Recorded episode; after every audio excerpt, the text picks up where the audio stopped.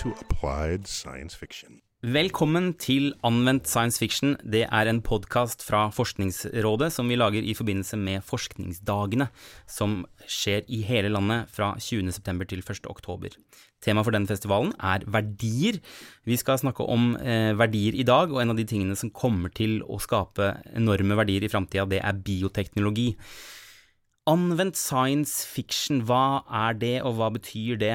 Det er koblingen mellom fantasi og forskning. Vi i Forskningsrådet tror fantasi er en ganske viktig dimensjon og drivkraft for forskningsprosjekter. I dag er temaet bioteknologi. Jeg sitter på Sentralen i Oslo sammen med tre forskere og en eh, science fiction-entusiast. Vi skal eh, først møte forskerne. Vi starter med deg, Sigrid Bratteli fra Bioteknologirådet. Du er eh, forsker og seniorrådgiver og ekspert på genredigering. Eh, CRISPR er av de, en av de teknologiene du snakker mye om. Fortell hva, hva, hva, er det vi kan få til i dag innenfor genredigering, som tidligere bare var en fantasi? Ja, eh, genredigering med CRISPR eh, det lar oss faktisk endre arvestoff i en hvilket som helst levende organisme slik vi vil. Og det var ikke mulig for bare fem år siden. Eller det var da den teknologien kom på banen. Så mye har endret seg på kort tid, og vi ser at den teknologien tas i bruk i enormt omfang. Mm. Så den vil få stor betydning for hvordan vi, både hvordan vi lager mat, og hvordan vi håndterer eh, sykdom og en del andre ting i fremtiden. Eh, Emmanuel Charpentier, som var en av de som oppdaget dette, denne teknologien, hun har vi møtt. og Vi skal høre et, eh, et klipp fra henne seinere i programmet. Eh, vi skal videre til eh, Jon Olav Vik. Velkommen til deg. Du er systembiolog og forsker, og er i gang med et prosjekt som heter Digital laks. Digisal. Hva skal vi med en digital eh, laks, Jon Olav? Vi skal prøve å forstå hvordan laksekroppen virker, for å få en bedre forståelse av det biologiske systemet som produserer laksekjøtt, som er Norges største eksportnæring etter olje. Og dette kan vi gjøre ved å bruke matematikk og datasimuleringer til å beskrive biologisk kunnskap kobla til observerbare data. Og så bruker vi matematiske regnestykker og analyse og datasimuleringer til å trekke ny kunnskap ut fra det vi allerede vet, eller til å utlede testbare forutsigelser fra hypoteser som vi har. Mm. Så hvis man kan tenke seg at eh, hvis man eh, utsetter laksen for eh, X, så vil handlingen laksen og, og det som skjer inni laksen Y, det vil være noe dere kan forstå og forutsi? Ja, mm. det er i prinsippet det vi er ute etter. Mm. Og det vi har valgt å begynne med, har å gjøre med utfordringer knytta til framtidas fôr for laksen, som er en egen diskusjon. Men det er en utfordring å finne noe som laksen kan spise, som ikke konkurrerer med menneskemat, og som er kostnadseffektivt, og som gjør at laksen har det bra, og som gjør at laksekjøttet er sunt for folk. Og imellom dette ligger det biologi, og vi prøver å forstå det. Ja. Velkommen til deg òg, og velkommen til deg òg, Sigrid. Eh, Hanna Kim Lindstrøm eh, er tredjeforsker her, og du er eh, forskningsleder på et prosjekt i bioteknologiselskapet Thermo Fisher. Velkommen. Har, eh, dere har vunnet en pris, eh, Forskningsrådets innovasjonspris, for eh, et prosjekt hvor dere har gjort det mulig å gensekvensere menneskelig DNA for en hundrelapp. Eh, stemmer det? Ja, det stemmer bra. Så vår bedrift spesialiserer oss på å lage perfekte mikroskopiske kuler da, som brukes veldig mye innom diagnostikk. Uglestadkulene? Uglestadkulene, det mm. stemmer bra. Så spesialitet med de her kulene er jo de er monosized, dvs. Si de har veldig uniform størrelse, fast de er i mikrometerstørrelse. Da. Og det um, enabler, det vill säga gör det möjligt att sekvensera upp till 600 miljoner sekvenser på en enda gång. Vilket driver ner såklart kostnaden för att sekvensera en hel genom. Ja. Har du sekvensert ditt uh, DNA? Nei. har dere? Nei, ikke enda. Nei. Og så har vi en science fiction-entusiast som heter Pablo, som er eh, filmskaper, eh, kunstner og eh, Ja, han har et indre kartotek over science fiction-filmer, tegneserier. Han har produsert science fiction selv. Velkommen til deg, Pablo Castro. Takk skal du ha, Andreas. Vi skal starte med en film som veldig mange sikkert kjenner. Hva er det de skal se på? nå? Ja, dette er da Avatar. Store filmen av James Cameron fra 2009. Ehm, den handler jo om eh, om noen som går inn i en annens kropp og er på en, da på en annen planet. Ehm, og for å fremstille den kroppen som han hopper inn i, så, så tar de i, i bruk eh, bioteknologi. Så dette klippet her forklarer litt den prosessen. da. Skal vi bare hoppe inn i det? Ok. Me and Norma here to drive these remotely controlled bodies called avatars. And they're grown from human DNA mixed with the DNA of the natives. Hey, welcome. Welcome to Pandora. Good to have you. Damn, They got big. Yeah, they fully mature on the flight out. So the proprioceptive sims seem to work really well. Yeah, they've got great muscle tone. It'll take us a few hours to get them decanted, but you guys can take them out tomorrow. There's yours. Hey, Dr. Norm Stone. Ja, her ser vi altså en avatar som er dyrka fram av en kombinasjon av DNA fra mennesker med eh, DNA fra de lokale, altså aliens. Det her er fantasy, men det eh, finnes det noe realisme i det å kunne kombinere menneskelig DNA med andre skapninger? Eh, og, og, og lage en ny type organisme? Kjør debatt. Ja, skal jeg bare hive meg ut i det, eller? gjør det, Ja, eh, altså, I utgangspunktet så er det jo en viss begrensning å kombinere dette DNA-et på den skalaen. Men når det er sagt, så skjer det jo en del forskning hvor man nettopp prøver å bruke DNA fra noen eh, organismer sammen med DNA fra f.eks. mennesker for å eh, gjøre gode ting. Det ene er jo f.eks. å overføre menneske-DNA til forsøksdyr for å se hvordan de eh, utvikler sykdom, og man kan utvikle nye medisiner. I tillegg så eh, er det noen som prøver å bruke griser til å dyrke fram menneskelige organer for å kunne unngå problematikken med manglende organdonorer for folk som trenger nye. Eh, og da bruker de bl.a. denne CRISPR-metoden mm. eh, som et verktøy i denne prosessen. Det stiller oss jo overfor en del etiske spørsmål, men det skal vi ikke gå inn på akkurat nå. Men sånn rent teknologisk så har de da også klart å dyrke fram små bukspyttkjertler som er menneskelige i griser. Så det er ikke helt utopisk dette her med sånne type hybrider, om du vil. Hva tenker systembiologen og ja, Hanna? Ja, nej, jag kan inte, hur säger man, eh, annat än att hålla med dig. Det finns ju också redan möss som faktiskt har liksom... Hva sa du? Det Möss? Mus. Eh, Mus? Mus, ja. ja. Mm. Ja, svenska. Nei, nej, nej. det. Eh, som har hur säger man, humaniserade, det vill säga mänskliga antistoffgener i sig redan så att man kan skapa liksom, terapeutiska antistoffer rätt i de här djuren. Då. Mm. Och, så att eh, absolut att det är möjligt till en viss del. Sen så kan man ju tänka sig också att eh, man använder sig av hur säger man, liksom lite mer K-evolution eller riktad evolution då, för att göra liksom, den mänskliga genen mer kompatibel med eh, host, eh, Verden. Mm. genomet. Så att Så, så det er altså eh, mus og griser. Kan, men er det noen begrensning på hvilken dyr som faktisk går an, eller altså, alltså, eh, og, og, tobaksplantor som kan produsere antistoffer, insektsceller som produserer antistoffer. Altså, det brukes jo ganske mye i celler kulturmessig redan per idag. Ja. Mm. Altså, livets kode er jo likt i alle Ja. arter. Eh, det består av baser, kjemiske baser, eh, og vi kan betegne dem A, G, C og T. Eh, så i utgangspunktet så kan du kombinere det som du vil, og det betyr at du kan jo i prinsippet kombinere DNA fra en hvilken som helst art med hverandre. Jon Olav? Litt av eh, utfordringen blir jo når du skal gå fra bare å ha DNA som blir uttrykt, og du har RNA, og når du vil derifra til å danne hele organer, som består av mange celler som fungerer med sitt eget liv, og som virker sammen i vev. Så jeg var veldig imponert over det bukspyttkjertel-eksempelet. Da må du ha forstått en god del om på en måte grensesnittet mellom vertskroppen og det du ønsker å legge inn. Og da har du antagelig også åpna et brukbart repertoar av muligheter, så du kan bruke lignende tilnærminger for andre organ. Ja, det er jo planen at de skal bl.a. lage også hjerte i disse grisene.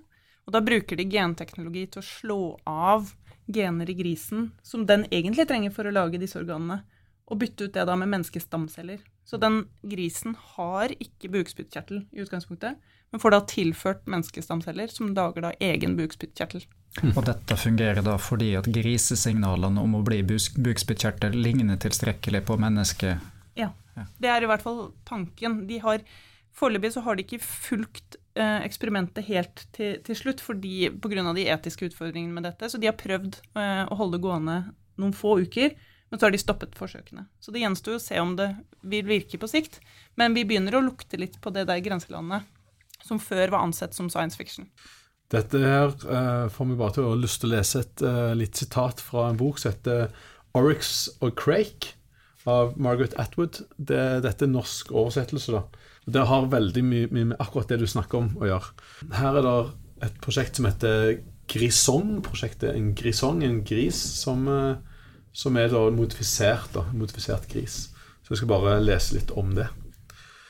Målet med Grisong-prosjektet var å fremstille et utvalg av fullt ut anvendbare menneskevevsorganer i en førsteklasses genmodifisert vertsgris. Organer som lett lot seg transplantere og ikke ble avstøtt, men som også ville være i stand til å avverge angrep fra opportunistiske mikrober og virus som økte i stammeantall for hvert år. Et hurtig modningsgen ble spleiset inn slik at grisongens nyrer, lever og hjerte skulle utvikles fortere, og nå var de i ferd med å perfeksjonere en som kunne produsere fem eller seks nyrer samtidig. Et slikt vertsdyr kunne så høstes for de ekstra nyrene, og i stedet for så å bli destruert, kunne det fortsette å leve og fremstille flere organer. Ikke så ulikt en hummer som var i stand til å utvikle en ny klo for å erstatte en som gikk tapt. Det ville være mer økonomisk, siden det måtte mye mat og stell til for å ale opp en grisong. Det var blitt investert en god del penger i Organ Incorporated Farms, eller Organ Ink Farms. da. Så altså, Organ Ink Farms det er liksom navnet på et selskap da, i Organ Crake som, som, eh, som, lager disse grisongene, men òg lager mange andre produkter. Um, som får katastrofale følger for, for menneskeheten, eller for alt, alt, liv på jorden. For så langt hørtes det ut som en veldig god idé. Ja. akkurat ja, er, uh, akkurat grisongen er jo en veldig god idé, og, jo veld, og den er jo inspirert av dagens forskning. Uh, men, dette, dette selsk, men, dette, selskapet tar det òg mye lenger. De lager en slags pille uh, som heter Hva heter det? Superbliss? Nei. Ja, ok. Uansett, de lager en sånn superpille som Viagra. Eller sånn. Du får økt seksualitet, du, du får bedre helse. Uh, huden din ser bedre ut. Du liksom er ung og sterk, uh, så liksom du får forlenger liv og alt slags ting. Men der er det det skjer noe feil, og DNA-et til menneskene begynner å ødelegge seg med denne pillen. Jeg, jeg begynte umiddelbart å tenke på en annen type forskning som pågår, og det er jo det der å uh, bremse aldringsprosessen og leve uh, bedre liv og være friskere. Det finnes jo faktisk noen medisiner, har de funnet ut, som har den type effekt. Blant annet så er det en diabetesmedisin som heter Metformin, som viser seg at uh, man får mye lavere risiko for kreft, mye lavere risiko for hjertesykdom, og spørsmålet er jo nå er dette en slags sånn vidundermedisin? Og hva er eventuelt konsekvensen av å ta det over tid? Så det er jo faktisk sånne typer problemstillinger vi står overfor. Mm. Hva med f.eks. er det mulig å lage en ny livsform med å sette sammen bare DNA fra alle slags forskjellige dyr? Er det, er det, mulig? Så, det der er kjempespennende. For at, uh, faktisk Craig Venter er jo en forsker som er ganske kjent for å ha vært med om den där uh, Human Genome Project, det sekvensere første menneskelige första mänskliga genomen. Han har faktisk drevet det videre og faktisk skapt också den første helt syntetiske bakterien kan man kalla det for. Helt från eh, liksom scratch. Wow. Så det er absolut mulig, kan man säga, fast på et veldig, veldig basalt nivå. Ja. Det er en film som heter Splice, hvor det er noen, det er noen som gjør dette her. Da. De lager en ny organisme. Så jeg har et lite klipp fra den filmen. Over the course of the last three years, our lab has combined the DNA from a variety of species to create a completely new life form. And as you know, Ginger has exceeded all expectations in her ability to produce medicinal proteins for livestock. What you don't know is that since the birth of Fred, We have an upgraded splicing technique, which can be applied to the most sophisticated of organisms, namely human beings. Ooh, hold on. Let's let's not get too far ahead of ourselves now. By incorporating human DNA into the hybrid template, we can begin to address any number of genetically influenced diseases. Parkinson's, Alzheimer's, diabetes, even some forms of cancer. See? Love at first sight.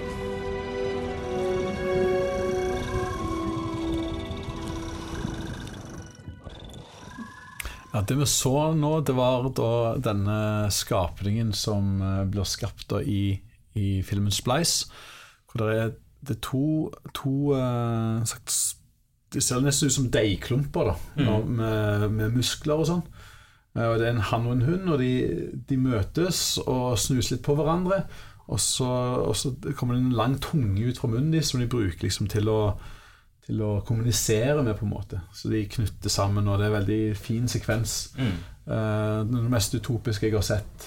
Og du spurte innledningsvis er det mulig å skape nytt liv. Uh, og det er vel det uh, syntetisk biologi handler om, hvis jeg har forstått det rett. Og det vil si at man kan skape nytt liv nesten fra scratch. Stemmer det?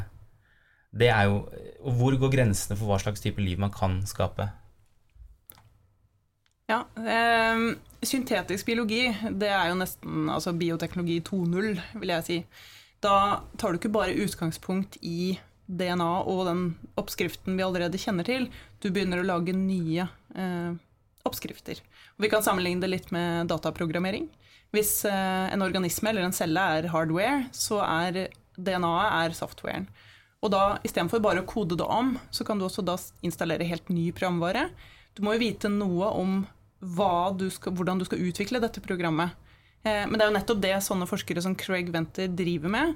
At de tester ut helt nye programmer som vi ikke, nå har, som vi ikke kjenner fra før. Mm.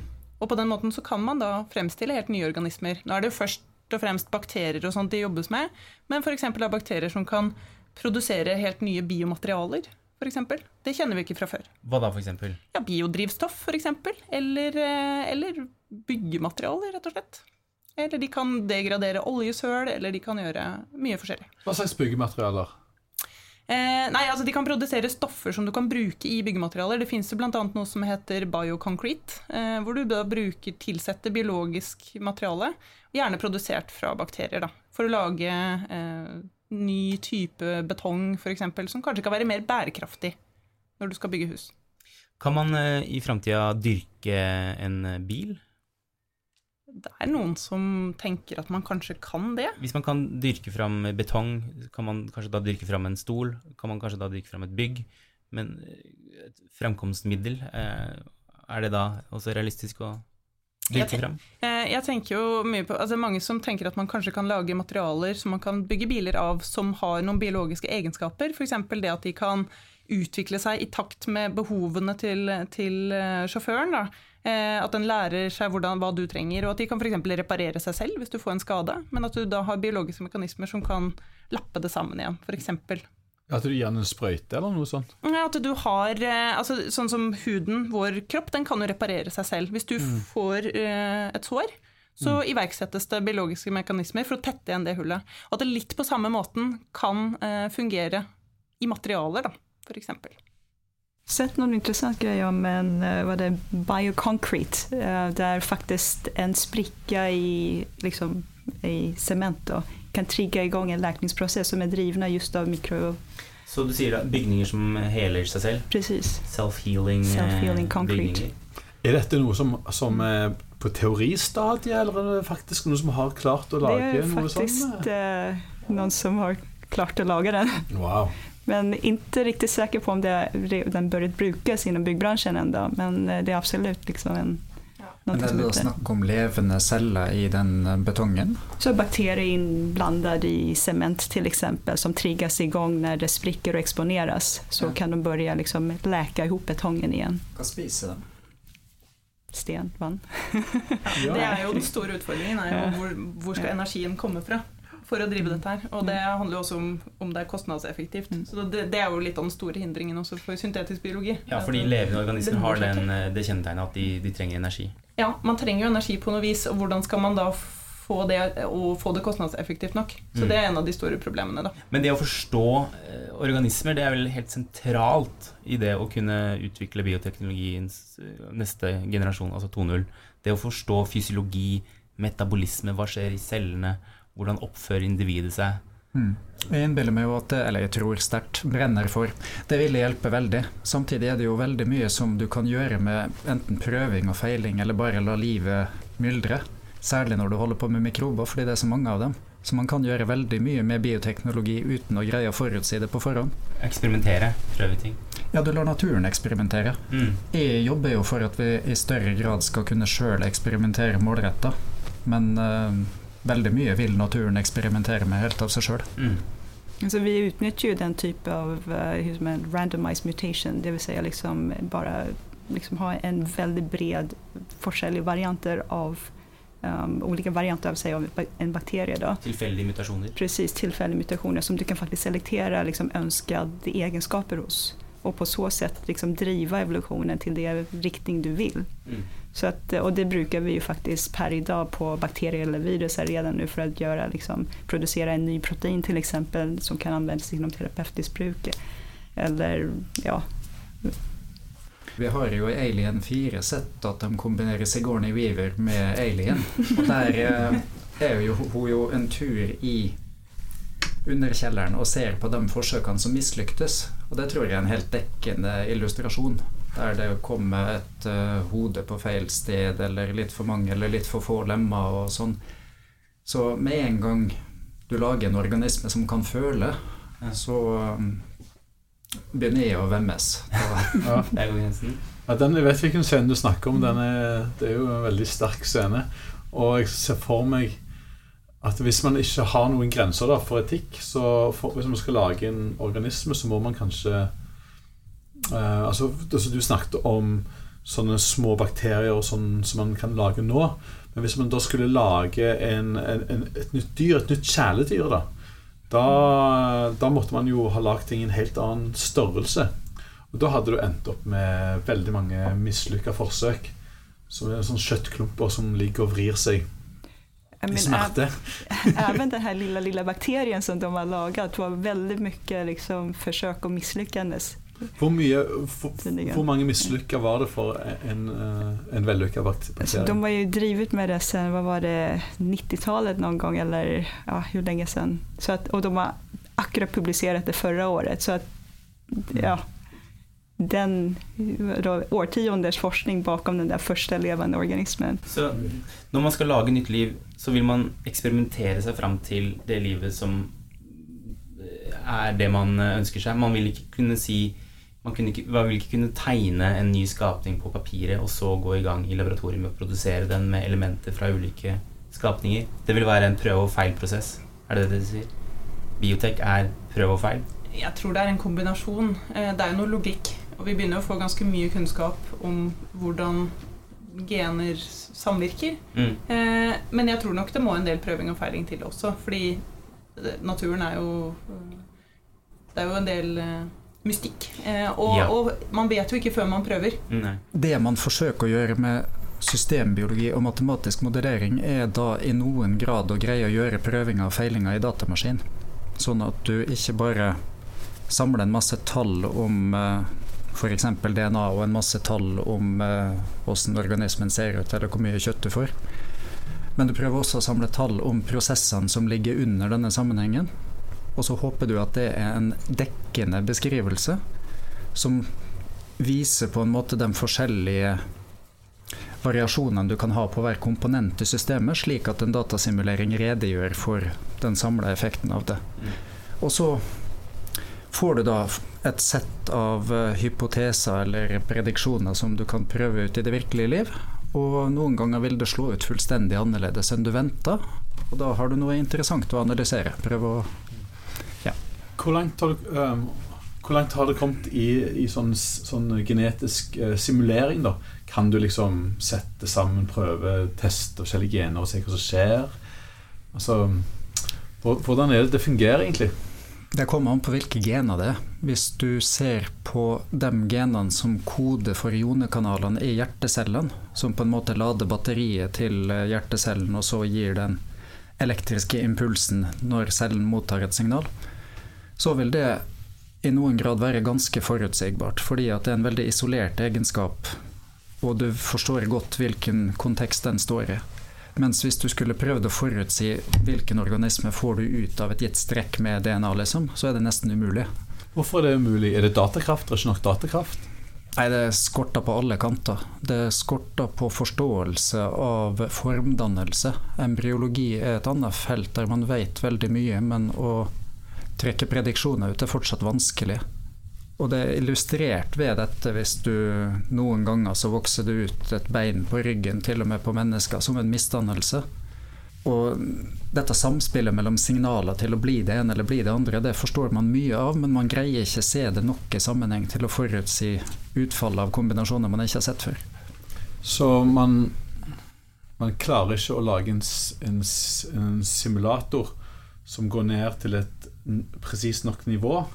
Ja, Presist nok til hva? Det er akkurat til, det. Du, til å gjøre sånn at det blir et slags Newton-aktig univers hvor uh, byggeklossene uh, når de går sammen, bare virker som en maskin, og at du kan se hvordan DNA faktisk spiller inn på, på livet, da, på, på cellen. ja. Nei, jeg tror det er kjempelangt fram, og jeg tror egentlig aldri at vi kommer dit at du kan forutsi hva som vil skje bare ved å vite DNA-sekvensen du starta med, pluss hvilken eggcelle det begynner å utvikle seg. Men jeg syns det Sigrid sa var veldig presist, egentlig. At du tar delvis litt sånn klipp og lim. Sanka organeller fra organismer du allerede kjenner egenskapene til, og så tar du det du er ute etter. Og så kan du kanskje putte inn noen helt nye ting, bare en sekvens som kode for en ny biopolymer eller noe sånt, og så kan du lage byggemateriale. Så et lite sånn dryss av ting du ikke har sett før, og klipp og lim med ting du kjenner godt til fra før, er det jeg anser som mest realistisk i syntetisk biologi. Skal vi gå videre til et uh, nytt eksempel? Ja, altså dette er jo noe som uh, vi snakket litt om tidligere. Uh, um, og som kanskje relaterer litt til den digitale laksen. Dette er jo et litt sånn tullete eksempel da, fra Hitchhiker's Guide to the, Hitchhiker's Guide to the Galaxy. Uh, hvor det er da en, en, gris på en restaurant, som er en levende gris. Og han, uh, han, er, glad, han er en glad gris. Han, han vil gjerne bli spist. The uh, rump is very good, sir. I have been e exercising and eating plenty of grain, so there's a, a lot of good meat there. or a, a casserole of me, perhaps. You mean this animal actually wants us to eat it? Me? I don't mean anything. I think it's horrible. It's the most revolting thing I've ever heard. Hey, what's the problem, Earthman? I don't want to eat an animal that's lying there inviting me to. I think it's heartless. It's better than eating an animal that doesn't want to be eaten. That's not the point. well, maybe it is the point. I don't care. I don't want to talk about it. I'll, ha I'll have a green salad. Det var egentlig du som tok med dette klippet, Jon Olav. Kommer vi til å komme dit at vi har eh, dyr som eh, er hedonistiske og, og, ber om å bli spist? Jeg tror det vil være enklere å bare dyrke, kultivere den delen vi har lyst til å spise. Mm. Kjøtt, f.eks. Men mat og bioteknologi henger tett sammen. Hva, hva er på en bærekraftig visjonen for matproduksjon? Altså, fornuftig og sunn, etisk riktig, dyrevennlig matproduksjon? Dette er jo en stor diskusjon som ikke er det jeg egentlig har ekspertise på. Mm. Sånn personlig så tror jeg jo fortsatt at det viktigste steget vi gjør, er å ta et steg ned i næringskjeden. For å få mer energieffektivitet ut av det. Nye proteinkilder? Eh, ja, eller insekter. bare så enkelt som den bølgen som nå er med å spise mindre kjøtt. Mm. Og eh, in vitro-kjøtt er jo eh, noe sikkert mange har hørt om allerede. Og det er da eh, kjøtt som er produsert eh, i Altså in vitro betyr vel i, eh, I glass. I glass. Eh, kjøtt som er produsert utenfor en organisme. og prisen på den har gått veldig drastisk ned. Ser dere for dere at det er realistisk med storskala in vitro kjøttproduksjon de nærmeste fem årene? Kanskje ikke de nærmeste fem år, men absolutt i framtiden. Mm. Og kanskje ikke bare in vitro-kjøtt, men også alternativ. liksom en så modifierad vegetarisk fast som veldig likner på riktig kjøtt også. Mm. Det tror jeg absolutt er mye nærmere til hans, faktisk. Plantebasert, eh, Plantebasert. kjøtterstatning. Du kan se for deg at gitt at folk har lyst til å spise kjøtt eller noe som ligner, så vil det være så stor etterspørsel at dette vil man lage. Og så vil det være billig og masseprodusert, og folk flest spiser det, og så kan eh, de rike spise villaks. Ja, jeg har faktisk hørt om det at de lager, de lager sånn uh, kjøttdeig som bare er plante plant, planter, og som faktisk har sånn blod. At det, akkurat det blodet var liksom clouet, da. At, Det eh, fikk jeg faktisk smake i somras. Gjorde du det? Ja, det var veldig spennende, og jeg har veldig store forhåpninger om det, faktisk. Smakte det kjøtt? Det gjorde det. Det var første liksom, riktig vegetariske erstatning til kjøtt som smakte kjøtt. Det var helt fantastisk. Hvilken farge hadde han? Kjøtt! det var som en virkelig medium rare burgare. Kjente du blodsmaken, liksom? Ja, faktisk. Altså, det var allt. De har tydligen tagit sojaprotein och glutenproteiner och blandat det med hemgrupper producerade i jäst, gjær på norsk. Mm. Och fått till det här riktig kjøttkonsistensen. Yes. Ja, riktigt fantastiskt. Men det er jo ett selskap som har allerede annonsert at de har tenkt seg ut på markedet med dette neste år, så vi får se. Hvor mye, hvor mye koster det nå, vet du det? Jeg er litt usikker på hva prisnivået er nå, men da de serverte den første burgeren i, i 2013, Invitro-burgeren, så kostet den rundt 3 millioner kroner. Mm. Så jeg, jeg antar at det har falt litt siden da, men jeg tror vi fortsatt er et lite stykke igjen før det regnestykket går helt i hop. Vi skal se et klipp fra en annen science fiction-film som er en veldig kjent film. eh, Blade Runner er det sikkert mange som har sett. Um, Pablo, hva er det vi skal se?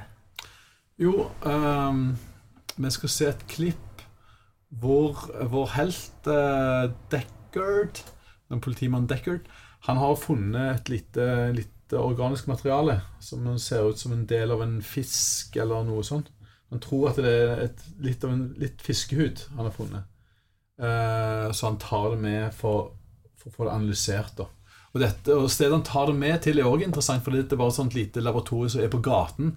Litt sånn som vi snakket om, at det, kostnaden for å holde på med dette er gått drastisk ned. Så her er det noen bare som, eh, som gjør dette litt sånn bootleg-aktig. Fish?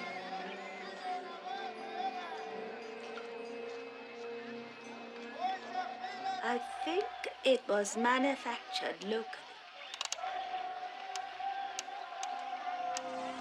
Finest quality, superior workmanship. There is a maker serial number 9906947 XB71. Interesting. Not fish, snake scale. Snake. Rai Abdul Ben Hassan. He make this snake.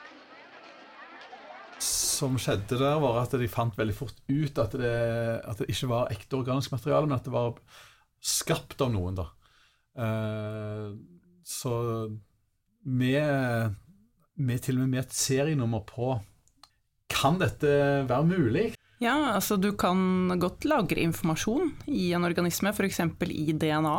Uh, Det er jo ikke så lenge siden det kom en studie hvor de hadde lagret en liten GIF, en liten film, eh, av en løpende hest i bakterier.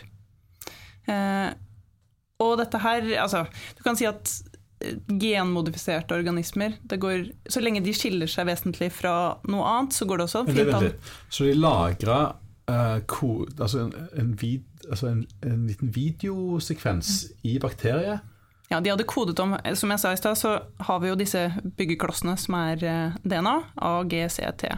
Og det hadde de da eh, jeg, kodet om fra eh, digitalt, kode, nuller og enere, inn i DNA-kode, og lagret det. Så hadde de da latt disse bakteriene være en stund, og så hadde de hentet det ut igjen og se om de kunne da gjenskape denne filmen i sin originale form, og den var forbløffende lik som originalen. Er det bare mulig med, med korte sekvenser med informasjon, eller kunne du tatt liksom hele Star Wars-filmen som DNA, og så kodet det som DNA, og så tatt og spilt den av igjen etterpå? Ja, ikke nødvendigvis inni en bakterie, for den har litt begrenset med plass. Men det er jo mange som utforsker muligheten for å lagre informasjon i DNA, eh, altså bare som DNA, utenfor celler. Da hadde, var det også Det har skjedd mye i det siste. Det, det var noen som kodet inn et helt operativsystem inn i DNA-molekyl. Eh, Problemet der er jo at det koster veldig mye penger å lagre så mye informasjon. Men der også er det et spørsmål om den kostnaden vil, med teknologiutviklingen, bli eh, Om kostnaden vil bli mye lavere etter hvert.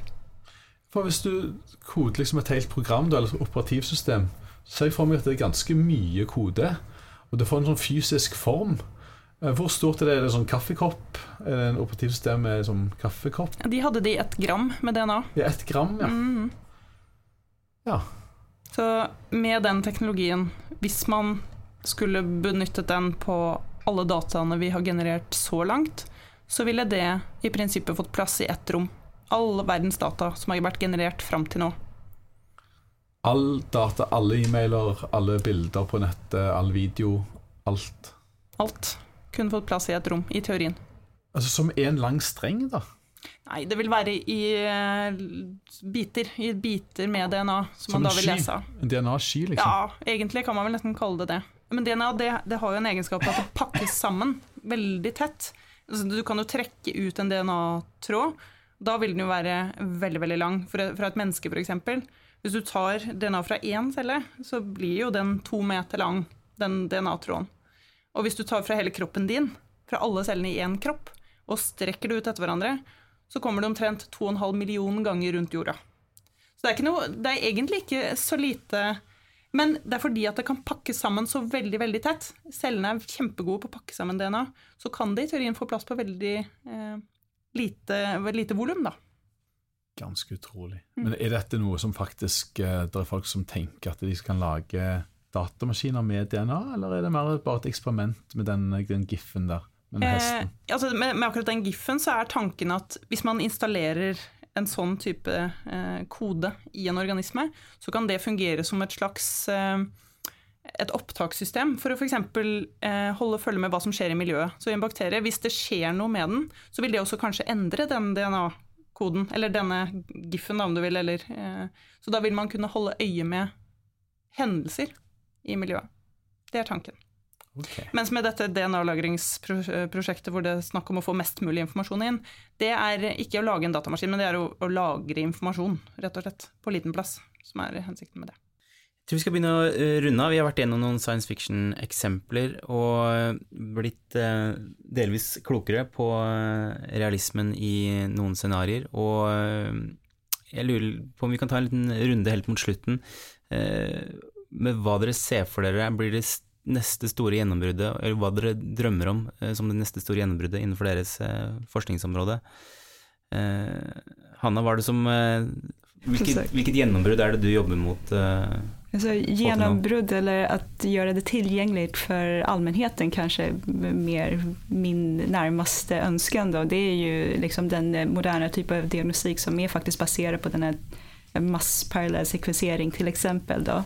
Det vill säga att det gör ju att man faktiskt kan detektera cancer säg, fem år tidigare än första nuvarande diagnosen via liksom, fysiska hur säger man, problem då som börjar uppstå då, och då börjar man titta i människor via MR eller någonting sånt. Så att genom att bara detektera liksom örsmå DNA-sekvenser i blod eller plasma så kan man detektera även oavsett var tumören är gömd i en människokropp. Mm. Så att, eh, att ta den här väldigt kraftfulla diagnostikmetoden till allmänheten, det vill säga göra det tillgängligt för alla, det tror jag på. Mm.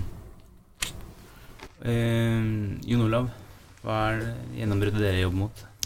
Jeg gleder meg til vi kan ha en kunnskapsbase av forståelse av biologiske mekanismer som kan vokse på en måte der vi greier å knytte ting sammen. Slik at matematiske modeller kan finne relevante data litt sånn automatisert, og kan finne hverandre litt automatisert. På den måten at du får et voksende bibliotek av komponenter, på en måte. Så når du har et nytt fenomen eller en ny sykdom som du vil prøve å forstå ved å etterligne den i datamaskinen og sånn, så kan du gå i biblioteket ditt, spørre etter at jeg ønsker informasjon om den prosessen og de variablene i kroppen eller uttrykk av det genet. Og sånn halvautomatisert sette sammen nye komponenter og ha rammeverket til en god etterligning av det fenomenet. Sigrid, eh, du har snakka om CRISPR, og eh, det er åpenbart en teknologi som åpner noen dører. Eh, og hva, hva er det man kan benytte CRISPR på i dag? Embryoer, altså levende organismer, mennesker. Eh, kan man endre sin øyenfarge fra blå til eh, brun hvis man føler for det? Eh, ja, i utgangspunktet så kan man jo det, men jeg tenker at da har vi ikke den horisonten som vi bør ha med den teknologien. Fordi det er egentlig bare fantasien som setter grenser for hva man kan få til med genteknologi. Og da tenker jeg at det er veldig viktig at vi ser litt på hvor vi vil i framtiden. Og at vi, for meg så er det viktigste at vi kan bruke så kraftfull teknologi til å virkelig gjøre en forskjell i forhold til f.eks. bærekraft i verden. Altså hvordan vi produserer mat, hvordan vi produserer andre Altså industriell eh, fremstilling av, av um, produkter. Eh, hvordan vi tenker rundt det å være et menneske, og hva vi ønsker å bruke den teknologien til. Det hadde vært flott hvis man kunne bruke den til å kurere sykdom, f.eks. Eh, sykdommer som i dag eh, ikke finnes noe, noe løsning på. Altså det, vi har ganske mange alvorlige sykdommer fortsatt.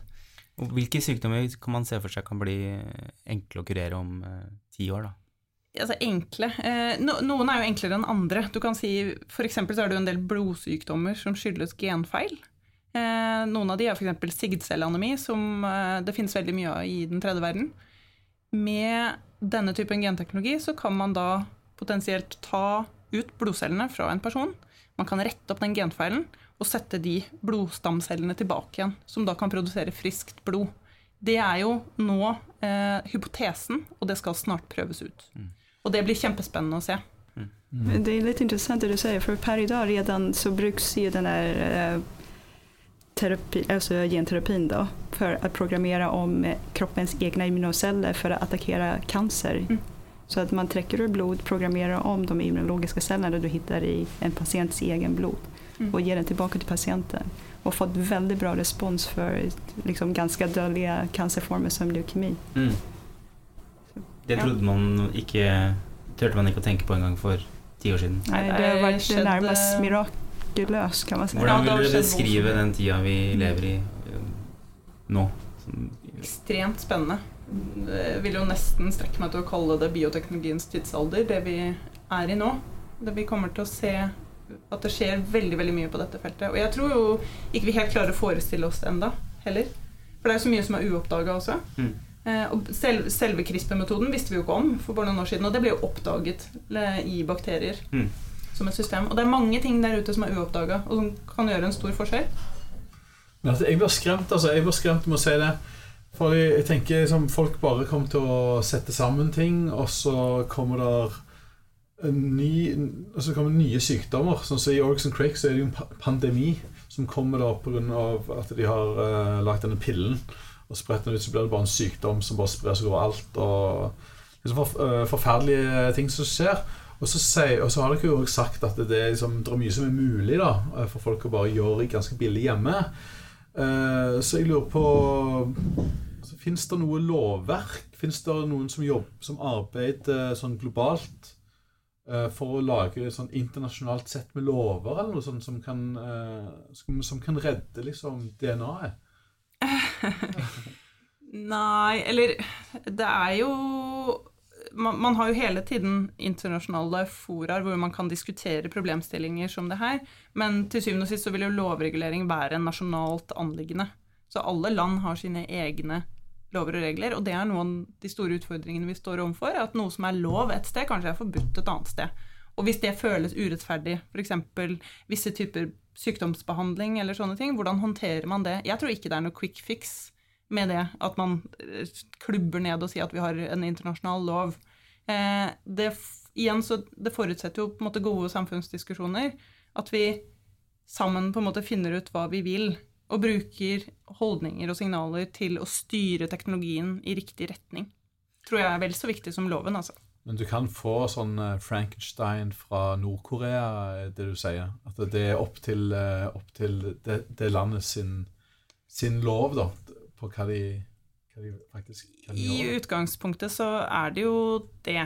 Eh, nå tror jeg ikke på en måte Frankenstein er i nær framtid, i hvert fall. Jeg tror det er mye mer sannsynlig at vi vil bruke det på eh, noe som er bra, og at vi kan se positiv, ut, eh, positiv utvikling med teknologien.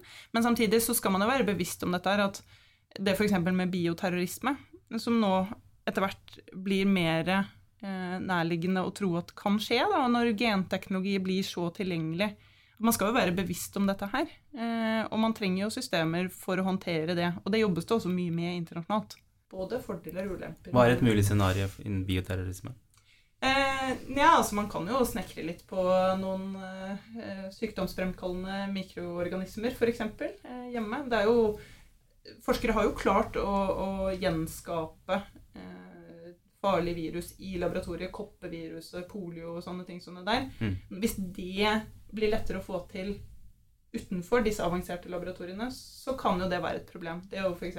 lage et influensavirus som får noen ekstra egenskaper som gjør det mye farligere, f.eks. Mm. Det kan være relevant, og det er en del som er bekymret for det. Så- Kunne man se for seg at eh, et land gjør eh, befolkningen i et annet land litt dummere? Jeg tror nok kanskje ikke det er den mest lavthengende frukten i, for de. Jeg tror nok kanskje det å, å spre sykdom og fordervelse er, er mer realistisk.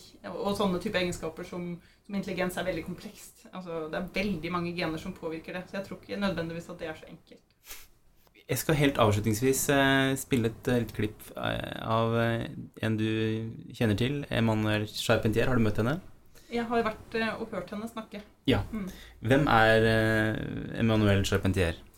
Hun er en av to damer som først klarte å vise at man ved bruk av dette CRISPR-systemet kan endre DNA slik som man vil. Mm. Målrettet. Mm. Da skal vi høre eh, hva Emmanuel Charpentier svarte da hun ble spurt eh, om dette av Øystein Runde, tegneserieskaper og kunstner, som også er med i Anvendt science fiction-kollektivet. Skal vi eh, høre her. But CRISPR-Cas9 can also edit uh, human cells now. Yes, exactly. So this is uh, what is interesting with CRISPR-Cas9 because of really the very neat, very nice, simple yet sophisticated mechanism existing in bacteria. It works in such a way that it's easily programmable, so that you can program uh, the system to modify a lot of uh, vir- vir- virtually any sequence of interest on the genome and it works very well on any type of, of genomes. So this is what was missing in uh, in biology: the ability to edit the genomes of higher organisms, so human cells, uh, animal cells, plant cells, in an easy fashion, precise fashion, and in a modular and versatile fashion. And combined with other technology which have been developed over the last 20 years, it's really expanding a lot the toolbox uh, for the biologists. So it, it's really transformative in this aspect. But can you? Does that mean that uh, CRISPR-Cas9 can also edit a grown human and not just an embryo? No, uh, because the technology is, is really meant uh, to, to be delivered uh, uh, in cells. Would it be way to easier to make a retrovirus that could turn Trump into a black woman? This I don't know uh, actually. The only thing I can say is that uh, there were these demonstrations uh, occurring in March, uh, April in the US, and they are still taking place. It's March for Science.